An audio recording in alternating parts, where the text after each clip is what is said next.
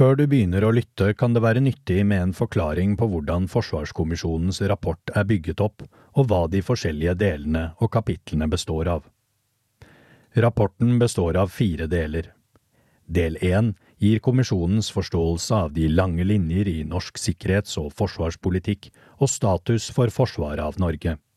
Denne delen omfatter kapittel to om norsk forsvars- og sikkerhetspolitikk i historisk perspektiv, og kapittel tre om status og utfordringer for forsvarsevnen. Del to ser på relevante utviklingstrekk som kan påvirke norsk sikkerhet de neste 10–20 årene. Denne delen omfatter kapittel fire til ti og omhandler internasjonale forhold, samfunnsmessige, demografiske, økonomiske, teknologiske og militærstrategiske trender og drivkrefter. Del tre drøfter hva som er viktig å forsvare, og hvordan forsvarsevnen kan styrkes for å møte den alvorlige sikkerhetssituasjonen.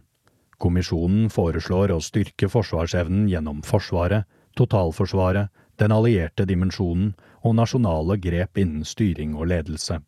Denne delen omfatter kapittel 11 til 16 og drøfter hvilket ambisjonsnivå norske myndigheter bør ha for å styrke norsk sikkerhet, forsvar og beredskap.